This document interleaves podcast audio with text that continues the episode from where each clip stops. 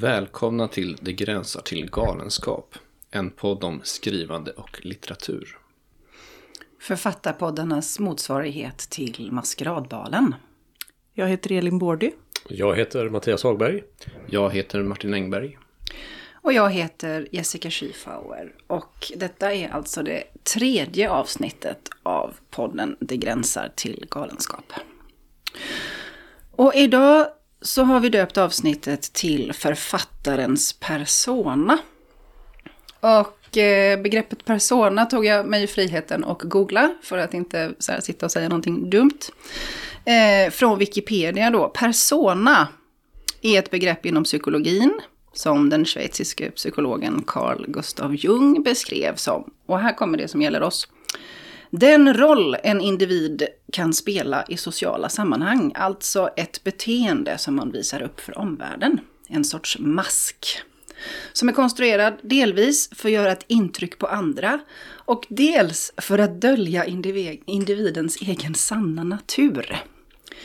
Och på latin så är ordet också benämningen på respektive teatermasks utseende. Och de ser ju olika ut beroende på vilken karaktärsroll de skulle användas till. Eh, jag tror att vi kommer använda begreppet persona lite som vi vill eh, i det här avsnittet. Så tycker jag man får lov att göra med ord. Eh, och det som jag är nyfiken på och som jag kommer vilja fråga er om det är har man liksom en roll som man går in i när man ska komma till skrivandet? Hur förhåller sig den rollen till resten av ens jag? Ehm, och uh, hur man, ja men liksom relationen mellan det skrivande jaget och resten av ens jag. Jag går och tänker otroligt mycket på detta nämligen och har väldigt mycket konstiga grejer för mig hela tiden. Um, jag har tagit mig friheten att googla er lite allihopa. Um, va? Nu blir ni nervösa va? Ja. Nej, det är absolut ingen fara. Uh, det kommer komma fram till en väldigt positiv siffra, känner jag själv i alla fall. Martin Engberg, du, ja. du debuterade 2006. Ja, det stämmer. Det är 15 år sedan. Ja. Elin Bårdy, mm. du debuterade 2008. Det är 13 år sedan. Mattias Hagberg, du debuterade skönlitterärt 2011. Det är 10 år sedan. Men om man räknar reportageböckerna så debuterade du 2006. Och det är 15 år sedan. Jag själv debuterade 2009, det är 12 år sedan. Räknar man snabbt så kommer man fram till att vid det här bordet så sitter det 55 års sammanlagd erfarenhet av att vara författare. Hej, kom igen, det är rätt häftigt. och så nu så vill jag fråga er. Eh, jag börjar med att fråga dig, Martin. Innan du hade debuterat, när du fortfarande var en person som, som tänkte och sa jag vill bli författare, jag ska bli författare. Hur föreställde du dig då att vara författare, eller vem du skulle vara som, som författare? Fanns det liksom någon vision? Mm. men jag har funderat på det sen du ställde den här frågan. Eh, lite grann. Och det jag kommer att tänka på är att har ju att göra med varför jag valde att bli författare som ligger i det här tror jag. För jag hade nog en föreställning om att, ja men det är ett fritt yrke, man får vara kreativ och man får liksom, ja men också lite så här leva som man vill. Eh, och det hängde mycket samman med att min väg till skrivandet gick via lite olika saker. Men eh, bland annat så gick det väl via musik och att jag här, skrev mina egna sånger och sjöng och spelade gitarr. Mm. Eh, och så höll jag på med det, men jag tyckte aldrig om att eh, spela för andra. Eh, och jag tyckte inte att jag var särskilt musikalisk heller för den delen. Inte för att det har hindrat andra personer, men jag tyckte att det var en brist. Eh, och så tyckte jag ändå att ja, men skrivandet kanske jag, jag kan lite eh, mer. Det drog mig till sig då. Eh, så eh, jag tror att jag hade liksom helt ärligt någon sorts liksom lundellsk bild av författarlivet mm, faktiskt. Mm. Eh, innan jag debuterade eller under den tiden. Sen har det, sen eh, har ju, gick det ju lång tid innan jag började skriva till så att jag fick ge ut min första bok. Och eh, så jag hann väl skaffa mig en hel del vett innan dess tror jag. Du hann ändå skaffa dig en hel del vett innan dess. Intressant. Det kan jag inte riktigt skriva under på själv nämligen, men det kommer vi till sen. Ja. Eh, jag är också jättenyfiken på hur den bilden sen har ändrat för dig. Men det tar vi senare. Jaha, det sparar vi, tycker vi. Nej. Nej. det får du inte svara på nu. För nu vill jag först höra de andras. Elin, hur, var det, hur var det för dig? Drömmen om författarskapet eller idén? Ja, alltså när jag försökte bena ut det här så fick jag liksom fatt i två lite olika. Alltså om jag går långt tillbaka till att jag var liksom ja men, tonåring eh, och ville skriva och skrev mycket, skrev hela tiden liksom. Eh, och kanske började tänka att det faktiskt fanns folk som var författare och som fick göra det här hela dagarna. Eh, så var det nog en väldigt vag bild av vad det var. Eh, även om jag nog sa till alla jag kände att jag skulle bli författare. Så tror jag mest faktiskt att det handlade om att få sitta och skriva. Det finns ju folk som kan ha det här som jobb, att sitta och skriva. Gud vad härligt. Så, jag tror att jag in, knappt fantiserade om själva att bli utgiven liksom. Och vad det skulle innebära och vad liksom... Men, men det var nog... Det, för så minns jag det när jag försöker tänka tillbaka på det. Och sen finns det liksom en annan... Ett senare skede mer när jag liksom gick på Skurups skrivarlinje eh, efter gymnasiet och sen på skrivarlinjen i, i Kungälv. Eh, när jag då liksom närmade mig själva att bli författare.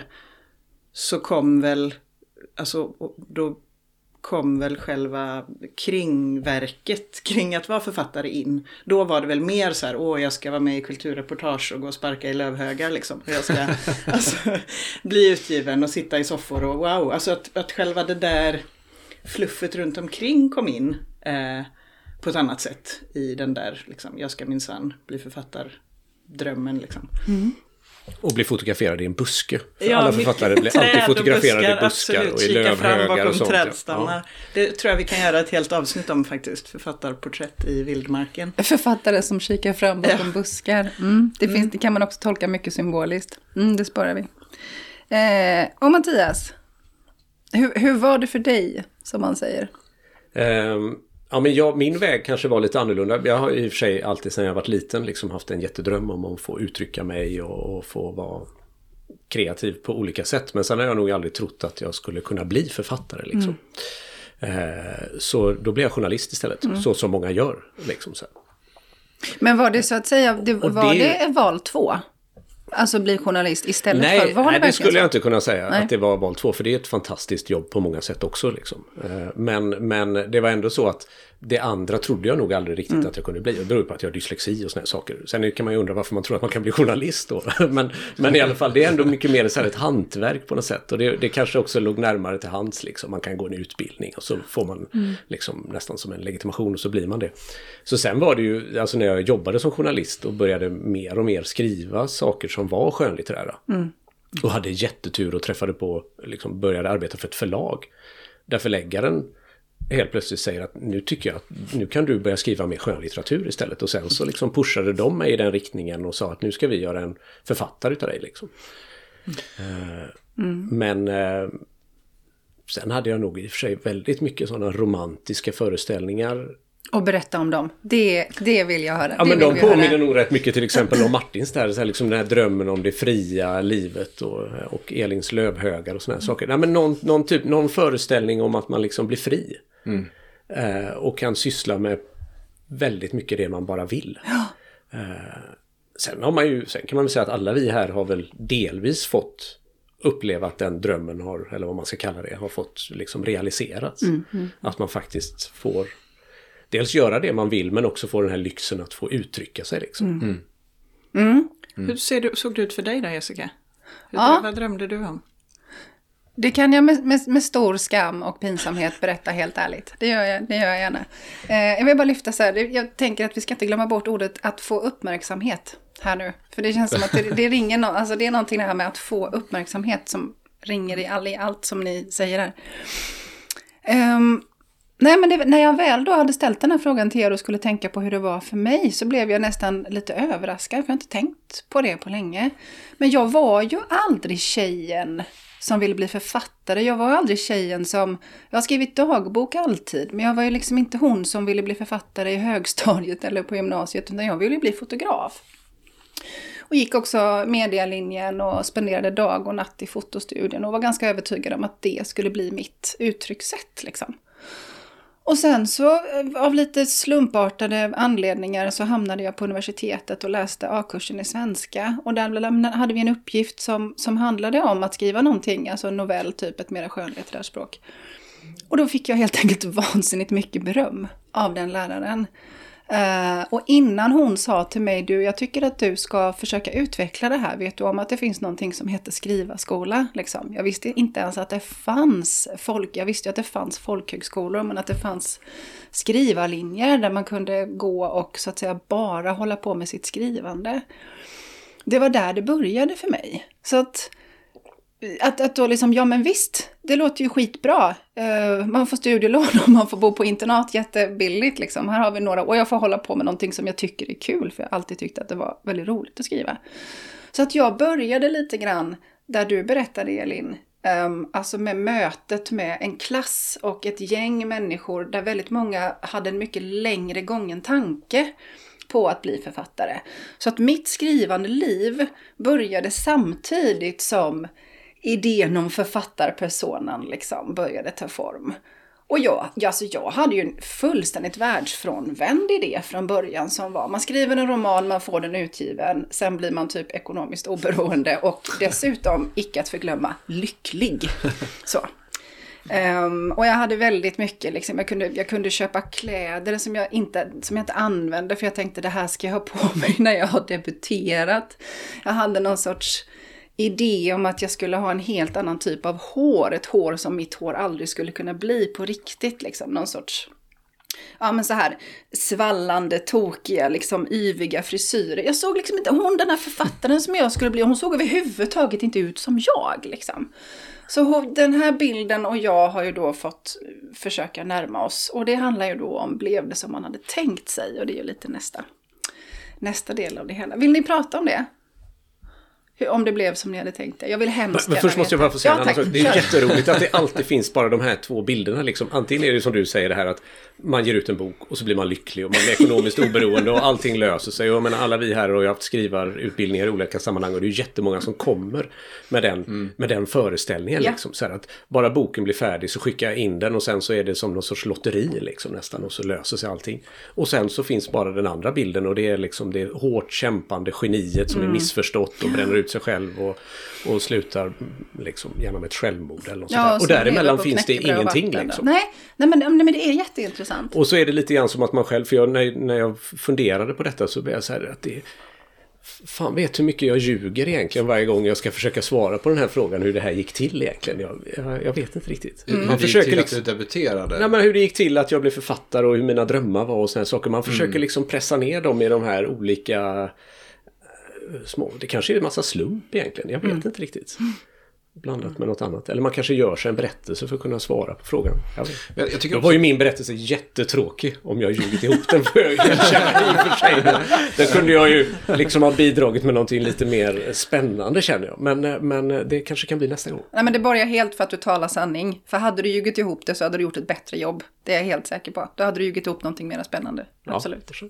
Vad skulle du säga Martin? Nej, jag bara funderar lite grann på det som Elin var inne lite grann på det där. Att hur man justerar sin berättelse lite grann efterhand. För jag, och eh, jag tror att jag inte hade den där starka, bara bli utgiven så eh, blir jag ekonomiskt oberoende. Jag tror att jag liksom gick från att ja, men, Ja, sen är, när drömde man om vad? Under vilken mm. tid kanske? Det här var nog kanske mer när jag ändå hade gått lite grann på skriva kurser och sådär. Mm. Liksom, och börja bli lite mer verklighetsorienterad. Och då tror jag att jag mer tänkte så här, men bara jag får ge ut en liten bok, bara få debutera liksom, så kommer jag vara nöjd med det. Liksom. Så jag började, när du pratade om det här justera sin berättelse, Elin, så tänkte jag också på att man att jag kanske också har höjt mina anspråk på vad som ska hända på ett sätt. Alltså dels har vissa saker föreställningen försvunnit liksom. Mm. Men sen tror jag att mina förväntningar också har höjts på andra sätt liksom. Eh, med tiden. Men mm. jag kommer inte ihåg vad frågan var egentligen. Nej men just nu finns det ingen fråga riktigt. Nu men, pratar vi bara tror jag. Ja, och det är jätteroligt att vi börjar prata om pengar. Ja, Eller hur? För det är jättemärkligt för jag tror ju, alltså ing, ingen av oss håller ju på med detta överhuvudtaget för pengar. För då hade vi ju kunnat gjort någonting annat. För, Det finns mycket bättre sätt ja, att tjäna och jag pengar. tror att egentligen är det väldigt få som egentligen håller på att Alltså det är ju något, handlar ju om någonting helt annat. Men alltid så kommer det här upp i alla fall liksom. Det är jättelustigt. Och jag tänker att det är just det här att det finns någon sorts kulturella skript där ute som man och, liksom nästan tvingas förhålla sig till.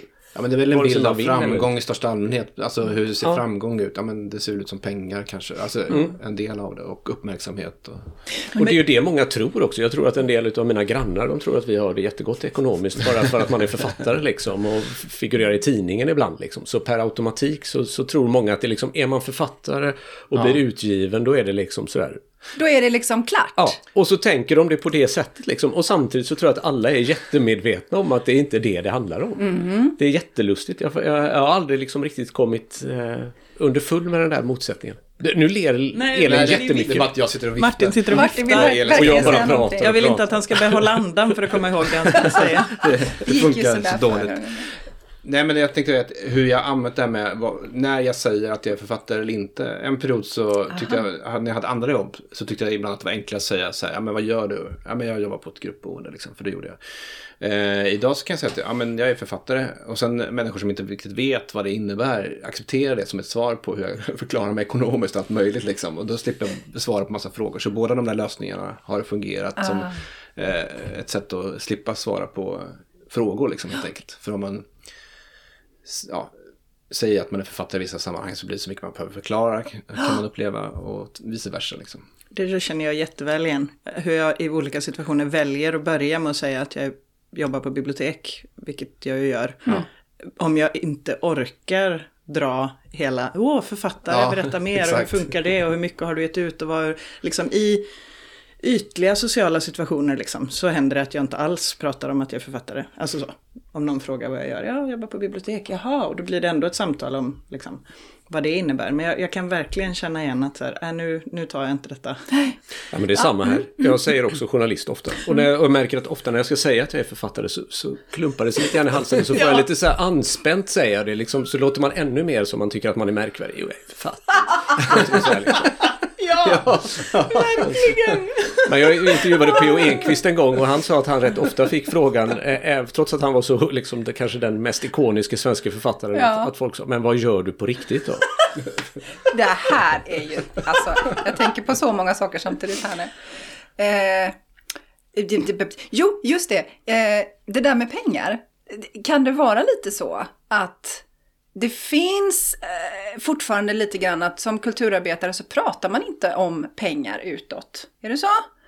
Så att folk som hör att någon är författare, den personen pratar också väldigt sällan om sin ekonomi och därför tänker man på det, det här är bara en teori. Och därför tänker man också på något vis, den där personen pratar aldrig om pengar, den måste ha, den måste ha liksom en skattkista för att den är författare. Det är väldigt få som vet var pengarna kommer ifrån, liksom. hur man faktiskt får betalt och försörjer sig. Men det tror, jag, det tror jag det ligger mycket i. Jag tror att det är väl generellt lite skämmigt att prata om pengar Ja, i men det är samhället det idag. Mm. Alltså vad tjänar du då? Säger man ju sällan om man hör att någon är mäklare liksom. Nej. Fast man kanske tänker det. Och herregud, vad tjänar du då? Och vill verkligen Liksom. fråga. För att Och man så- själv inte tjänar Nej, som men- en mäklare, det vet man, för man är författare. Precis, Ja. men mäklaren kanske då när man får fram sitt lite krampaktiga, jag är författare, gör samma liksom felaktiga slutsats av vad pengarna kommer. Alltså det är väl så. Det är ju lite, lite mystiskt för många tror jag. Ja men det, det har ett och skimmer och till. även hela författarskapet. Att vara författare det är ett väldigt ovanligt yrke och det har ett skimmer runt sig som gör att alla de här frågorna kommer.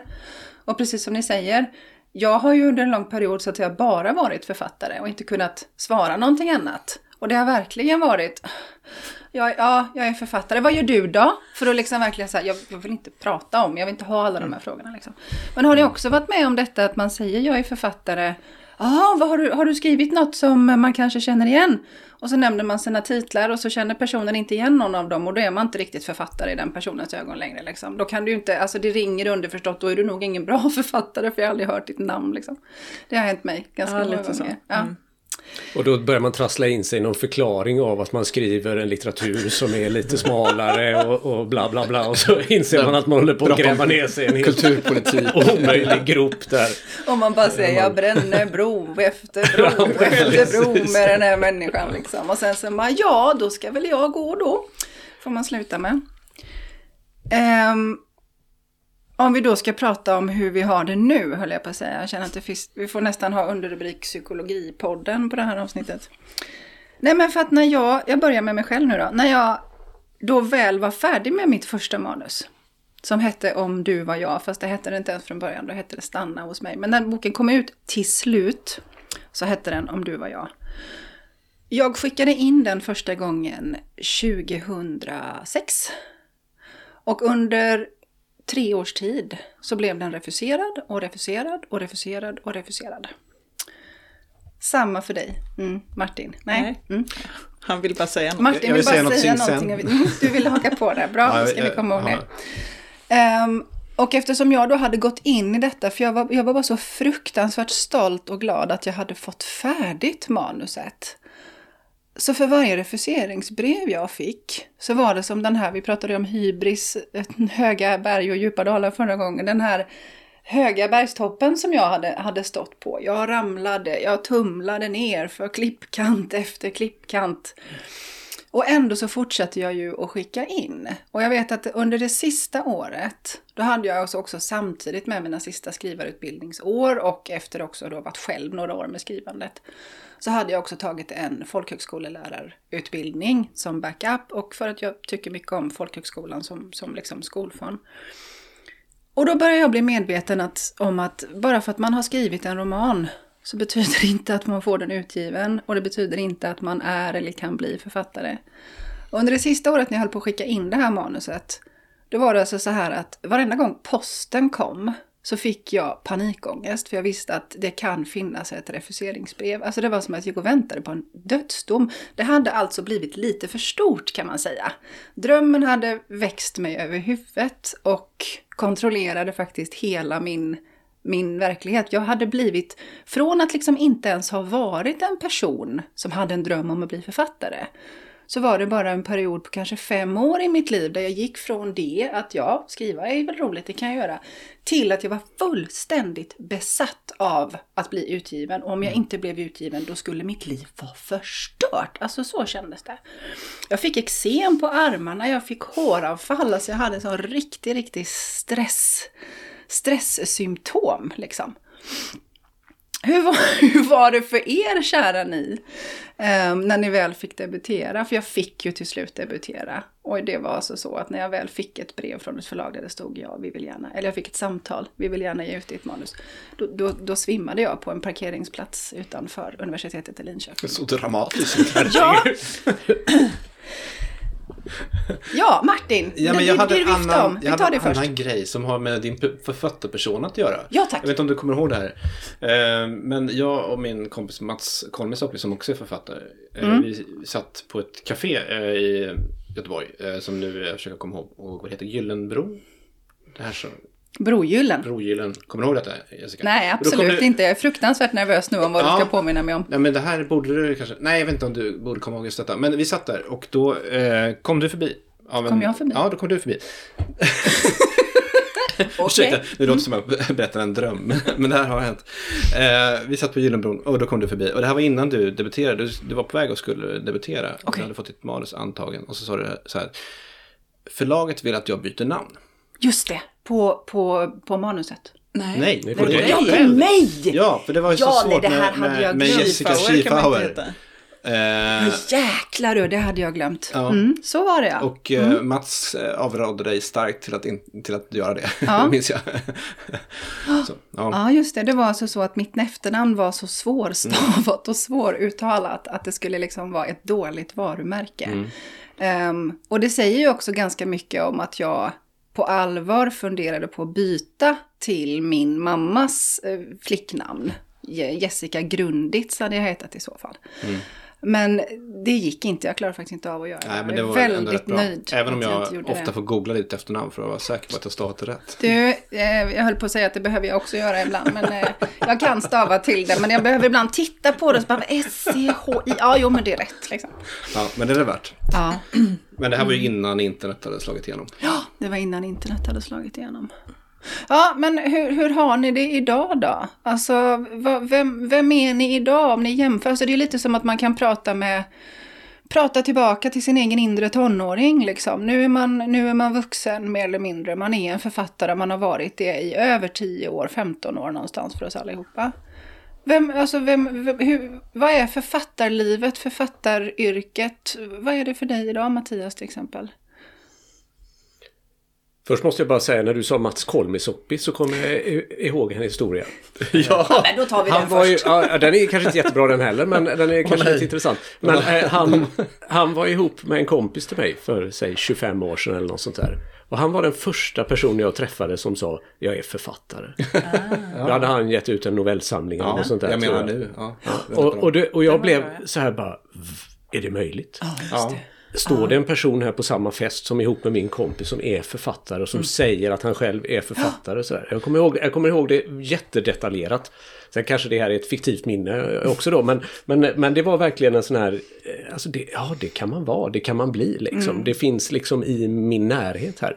Men det är intressant, jag måste nästan haka på det här. eh, Och, eller måste, men nu hakar jag på här. Eh, Jag träffade ju Mats Kolmisoppi på eh, Tag och skriv, den utbildningen i Kungälv som vi tre av fyra här har gått. Ja, där jag och Elin också träffade varandra Ja, några men år precis. senare. Eh, Och då så jag jag lärde känna Mats. Eh, Och han debuterade ju ett antal år innan jag gjorde det. Men för mig var det också viktigt att han gjorde det. För att känna att ja, men någon jag känner kan ha lyckats. Då Just kanske det. det går för mig Tagit också. Så, så eh, det var ju en Vi har del Mats. Kolmisoppi och tacka för mycket här helt Ja, enkelt. ja. Vi får bjuda in honom framöver Ja, och ha vi ett tema. Han är grunden till allt, det visste vi inte när vi Nej, började det här nej, avsnittet. Alla har alla, it all goes back to Mats Kolmisoppi förra Men nu ska jag vara tyst och ska Elin berätta om hur hon har det nu. Ska jag berätta om hur jag har det nu? Nej men jag, jag tänker på det där ibland. Alltså, det finns ju, tänkte jag på när vi fick, liksom, när vi skulle tänka på det här avsnittet. Det finns ju liksom en del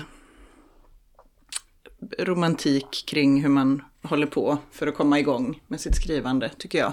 Eller jag, för mig gör det det. Liksom.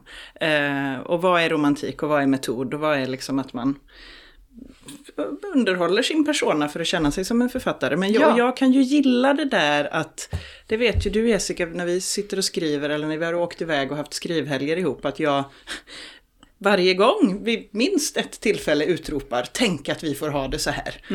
Ehm, det gjorde jag i morse också när jag skulle åka hit och spela in podd hemma. Tänk att jag får ha det så här, vad härligt. Eh, och det är ju lite för att den där långa drömmen och hur jag tänkte på det och hur jag ville bli författare och hur jag jobbade för det. Och hur, liksom, det är ju att jag har allt det där med mig och kan komma på mig själv. Här sitter jag, jag får, jag får sitta här två dagar i veckan och skriva. Så. Grattis till ja, mig liksom. grattis till mig. Shit vad mitt 17-åriga jag hade tyckt att det var helt ofattbart häftigt. Liksom.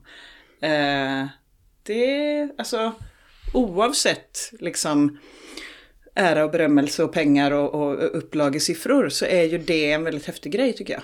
Det där är ett jättebra sätt att prata om, om, eh, om det på. Jag lånade det där och så frågade jag dig Mattias. Eh, 17-åriga Mattias, eller hur gammal du nu var när du hade liksom börjat drömma om ett skrivande liv. Vad skulle den unga Mattias säga om dig om han såg dig idag? Liksom? Han skulle nog säga grattis, faktiskt tror jag. För, Han skulle vara eh, rätt stolt, va? Ja, Ja. Det, men, men jag tror också, alltså det här med den här personen, alltså författar, alltså själva jobbet eller vad man ska säga, det är ju så löst i kanterna på något sätt. Mm.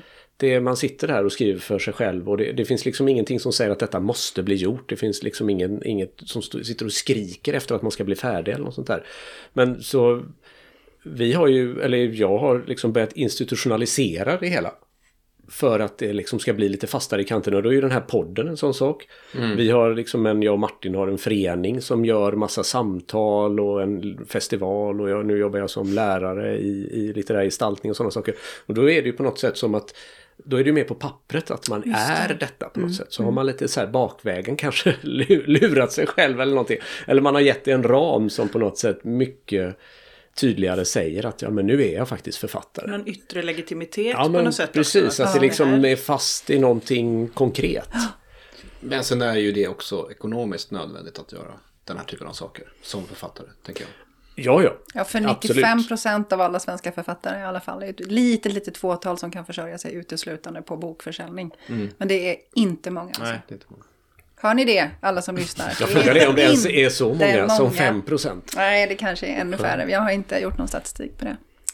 Ja. Um, häromdagen så eh, det har hänt någonting härligt sen vi började med den här podden och det är bara tre veckor sedan. Men det som har hänt med mig, jag vet att jag sa i, i första eller andra avsnittet att jag, jag skriver inte nu. Um, men i och med att vi har börjat prata så mycket om skrivandet så har jag kommit i kontakt med mitt eget skrivande på ett helt annat sätt. Och då hade jag en upplevelse, det var att jag fick, jag fick liksom en sån här röst som jag pratar i huvudet, om ni känner igen det. Liksom en karaktär som klev fram och faktiskt hade saker att säga. Och jag blev så ivrig och rusade upp till min bokhylla och började titta bland mina anteckningsböcker. För jag tänkte jag måste ha en anteckningsbok till det här.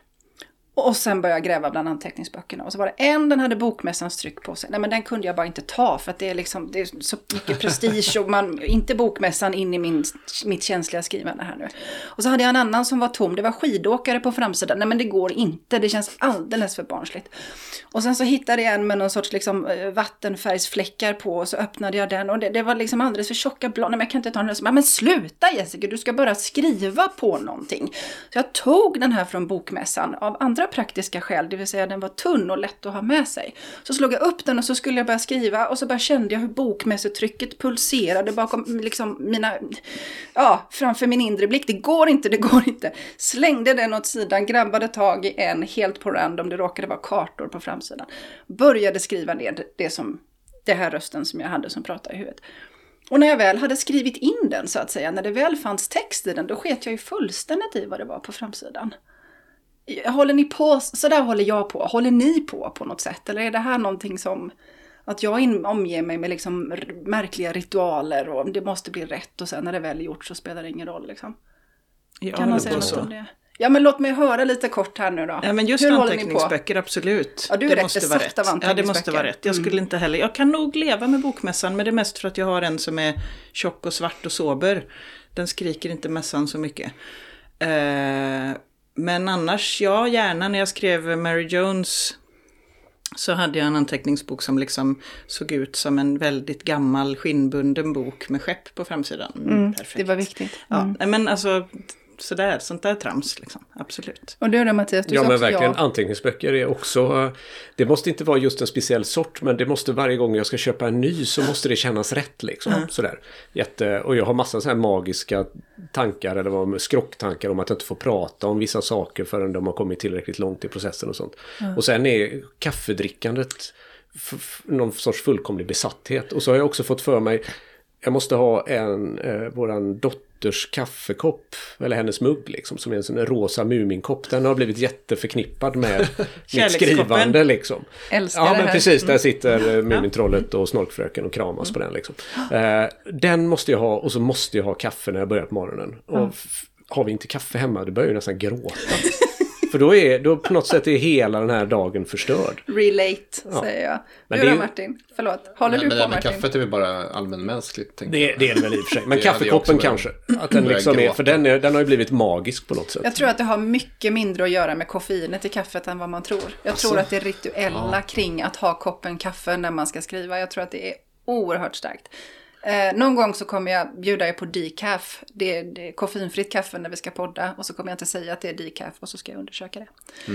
Eh, Spännande. håller du på Martin? Har du konstiga grejer Jag för tänkte dig? nästan avfärda det där helt. Men eh, det kan jag inte riktigt. Eh, Jag kommer bruk- syna Ja. din utsaga i Ja, så men fall. eh, ja, anteckningsböcker kan ju vara... Jag tänkte att jag skulle börja med något nytt och då var jag lite så här noga faktiskt med att leta upp några. Så, här, ja, men det här trivs jag med, den här anteckningsboken. Eh, Men det är väl det kanske. Så, sen, så jag håller inte så mycket på med det. Utan eh, för mig är det nog mer rutinerna som är viktiga. Liksom. Eh, Och om vi pratar om det här, ja men hur, alltså skillnaden mellan den här föreställningen om det fria yrkeslivet och man lägger upp dagarna som man vill och går och sparkar i lövhögar och spelar gitarr och dricker rödvin och så sätter man sig och skriver några timmar. Eh, det har ju bara ersatts av någon slags liksom, byråkratisk ordning. Liksom. Jag, jag, det, där, jag tror att det är Claes Östergren som pratar om det, eller skriver någonstans. Jag, det kanske är Ursäkta, vem sa du pratade om det? Claes Östergren. Claes Östergren. En Mm. författare. Eh, jag vet. Ehm, jag tror att det är novellsamlingen med stövlarna på som han pratar om, om författaren som, som mest liknar liksom en byråkrat som liksom sitter träget mm. vid sitt skrivbord och, och jobbar. Liksom. Och den bilden den tycker jag är den som kanske stämmer bäst överens. Men sen har man ju, alltså, men här får man tänka liksom, skilda, nu pratar vi liksom både om yttre och inre grejer liksom. Inre så lever man ju fortfarande drömmen på något sätt. Alltså, det, man sysslar ju med det här kreativa, även om man då tidsmässigt sätter sig ner klockan åtta och slutar mm. Mm, klockan tio som vi pratade om i förra avsnittet. Så eh, på förmiddagen så eh, se att... Objection your honor, eller säger ja, alltså, jag, jag, hämtade, jag hämtade dig ju innan, innan de här poddarna i ditt arbetsrum ja. i, i källaren i landshövdingehuset där du sitter. Jag, jag har pratat om att du inte får säga vad du ser det. I en fåtölj med läsglasögon, det är böcker överallt, du sitter och skriver. Alltså det kan inte bli så mycket mer romantiskt. Har inte du dessutom sagt Martin att du vill sitta på ett visst sätt? Och där sitter du hela dagarna liksom och håller på med... Du vill med, typ sitta alltså, med benen i kors på något visst sätt, visst ja, är det okay. så? Jo, nej, men, jo, okej. Det är, du är arketypen för, ja. för allt detta. Jag får ofta höra det här. men ja, nej, men jag, jag har berättat att, att jag ibland har behov av precis, eller det är inte ett behov, det är mer att jag har iakttagit det här eh, i mitt eget skrivande. Att, att, precis när jag ska börja skriva, att jag ofta gärna eh, sitter med benen i kors. Mm. Att jag gärna tittar lite snett uppåt. Kanske har munnen lite lätt öppen. Och, ja, och att jag behöver sitta så för att komma igång med skrivandet. Men då är det ja. roligt att jag du ändå kan säga det. att nej, jag håller inte överhuvudtaget på med något Ja, men jag vill, jo, fast jag, för jag känner också ett visst um, behov av att motsäga när det blir för mytiskt. För att hitta någon balans mellan det där med romantiken och vad man får skapa och hur det egentligen mm. är. Liksom. Så här, ja, men författaren sätter sig ner och skriver från sida 1 till sida 399 och sen är det mm. punkt och sen är det färdigt och så går man till förlaget och så ger de ut det. Liksom. Nej men absolut, men jag, men jag tänker att, att jag, jag tänk, tänkt på precis det där, alltså just att jag tänker att man kan se det som sin metod. Mm. Istället för att se det som en, en romantik och en myt. Om man också pratar om liksom, slitet och att man sitter här och knegar liksom, så är det ju, alltså ja men om jag behöver en kopp te, liksom, är det romantik eller är det, nej men så här har jag det för att komma igång och skriva? Är inte det då en metod? Liksom? Mm. Och om anteckningsboken kan sätta igång någonting, är inte det en metod lika väl som en författarromantik? Ja. ja, men det tror jag också. Och för min del tror jag det egentligen handlar om att reducera allt brus runt omkring. Liksom. Ja. Om kaffekoppen ser precis mm. likadan ut, om jag sitter på precis samma ställe, om jag har anteckningsböcker som jag har planerat i förväg, liksom, så, så blir det färre mm. vardagliga saker att tänka på. Så kan jag fokusera på. Så det är det är ja, alltså, jag tror det. Och sen kanske man förvandlar ja. det till någonting som låter lite romantiskt för att själva friheten i sig Sen är det bra att man kunna hålla på så här är lite romantiskt. Väljer något annat än amfetamin. Liksom. Ja. Det är, alltid, det är alltid ett tips. Jag har, jag har inte, inte dragit in huruvida ni använder stimulantia och det tänker jag att det lämnar vi också utanför. Det har vi ju pratat om, kaffe. Kaffe, mm. just det, det har rätt i. Eh, det känns som att man kan sammanfatta. Men nu blev jag nyfiken, har du något att säga? Nej, det har inte jag.